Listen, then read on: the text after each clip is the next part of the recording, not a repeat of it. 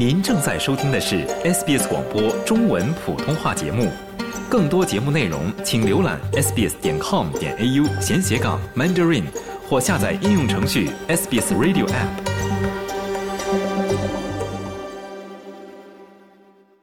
欢迎收听 SBS 电台普通话节目，我是记者雨蝶。您有没有想过，在网上透露他人信息可能构成犯罪行为？澳大利亚正在计划制定新的法律，将人肉搜索行为定为刑事犯罪。相较他国，目前人肉搜索的定义是否尚存模糊？能否有效实施？在澳华人对于朱令案的反应会被算作违法吗？一起来听听民事刑法主管 Alex 曹的分享。Hello，Alex，你好，很高兴今天能够邀请你做客我们节目。可以先请你跟我们听众朋友们介绍一下你自己吗？大家好，啊，我叫 Alex 曹，我是民事刑法的负责人。啊，我是在嗯澳洲的一个注册的上庭的关于打刑事案件方面的这样的一个律师。其实今天邀请到你是有关澳洲联邦政府呢正在制定的一项新的法律计划。这项计划呢就是要将人肉搜索行为定为刑事犯罪。其实今天就想跟你聊一聊，可不可以跟我们大家解释一下什么叫做人肉搜索？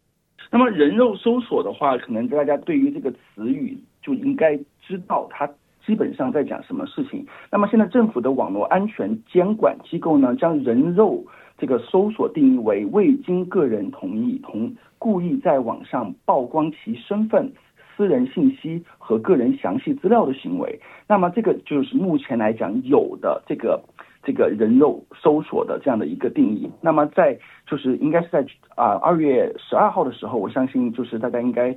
呃，不知道有没有看过新闻，就是咱们现在的总理啊，就是说他想提提倡这个，就是关于把这个人肉搜索把它定为刑事犯罪的这样的一个新闻。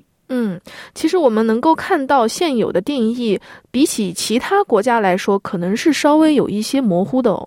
你你说的对，就是现在目前来来讲的话，从从我们看其他的这个欧美国家的这个法律来讲，那么在去年啊七月份的时候，这个荷兰。他就把这个人肉搜索，把它把它这个形式化了。那么在对于这个人肉搜索的定义上，因为给大家听众稍微讲一下，刑事案件和咱们平时老百姓经历的案件不太一样。刑事案件它其实它的它的那个它的要求会更高。那么很多刑事案件，特别是呃就是在澳洲的刑事案件，它考虑的是一个叫做嗯。Rea 或者是 intention 的，他的那个就是他是否是故意的。那么荷兰的这个呃就想说，他做这个人肉搜索，它的定义是做人肉搜搜索的这个行为，但是他是是是是故意去害别人的。那么这个害就包括所谓的呃 harass，就是说嗯 harass，还有 intimidation，intimidate。还有可能会会有 violence，比如说像像暴力行为，或者是更加更大的这个社会动乱的行为。所以说把这个框架放在了这个人肉搜索上，那么这个这个定义稍微来，我我认为就会更加完善了。目前来说，咱们澳洲还没有出现这样的定义。嗯。那这个定义的详细程度其实是非常重要的，就是到底是什么程度才算是人肉搜索？那目前为止，澳大利亚联邦政府正在拟定的这项新法律呢？呃，就公布的情况而言，总理阿尔巴尼斯是说，这项法律将针对在网上公开披露个人信息的侵犯行为，而且这种行为通常被用作对某人的报复，那么就可能会被定义为人肉搜索，从而会获刑。嗯，就是讲到这个，就是在澳洲的这个这个刑法的话，可能就因为我作为这个刑事辩护律师，我每天接接触的都是这样的案件，所以现在目前来说，对于这个新的法律，我觉得是个非常好的一个方向。但是我认为在定义，就像您讲的，定义是否能够很准确，是一个非常重要的一个点。它的 intention 是什么？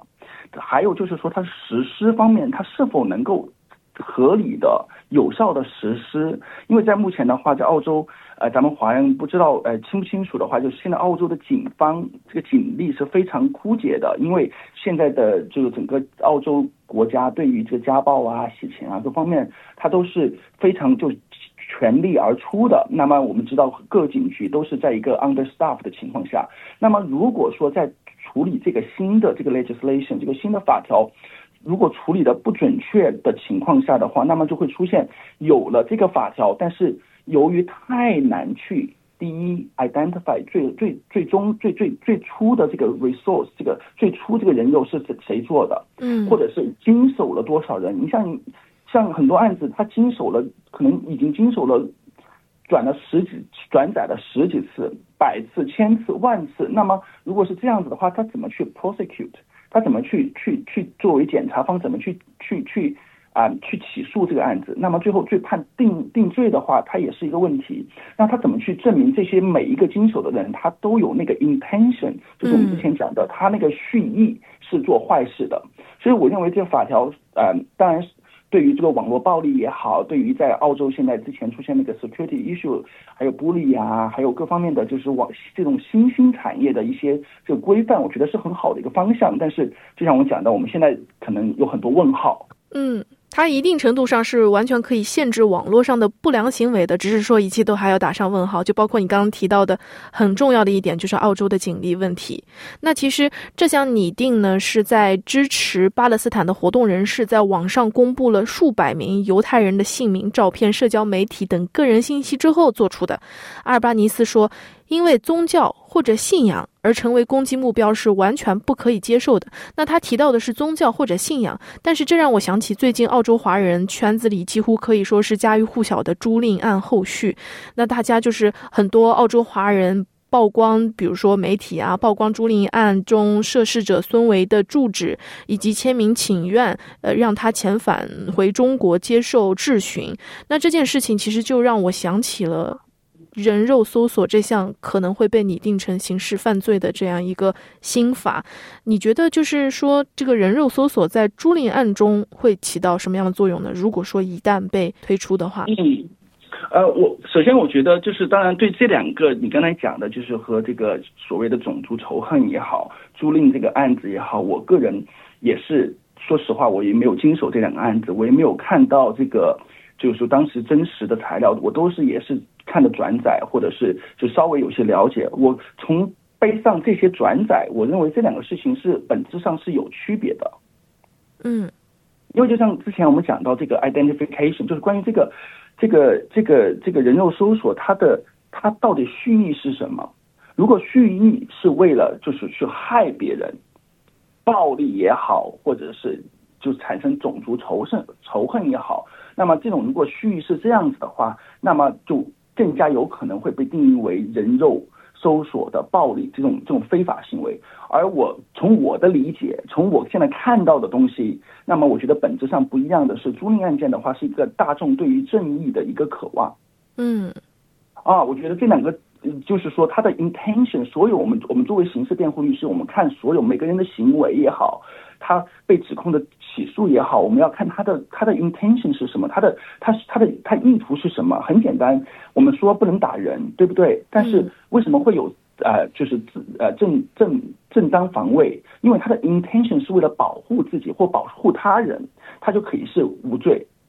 那么像这个案子，我不太清楚具体发生了什么。如果我们假设。咱们租赁案件的 intention 是为了伸张正义的话，那么可能就和这个人肉搜索的它的原本这个法条的这个意图有一定的不一样。我觉得就你懂我的意思吗？如果有一定的不一样的话，它是否还是能够被作为一个这样的一刀切的东西？那我可能就不太清楚。嗯，到底是什么样？才能算是人肉搜索？如何限制网络上的不良行为？听众朋友们又怎么看？其实今天和曹律师 Alex，我们今天的交流和探讨，都是给听众朋友们一个引子。对，给大家一些问题，我们可以思考一下，然后同时看一下这个大家拭目以待，这个新的法条它到底会怎么样去 regulate 这个这个网络暴力的事情？想在 SBS 当一回影评人吗？SBS On Demand 正在推送配有中文字幕的热门影视作品，您只需观看一部或以上影视作品，并把影评观后感发给我们，就有机会赢得一份 SBS 精美礼品。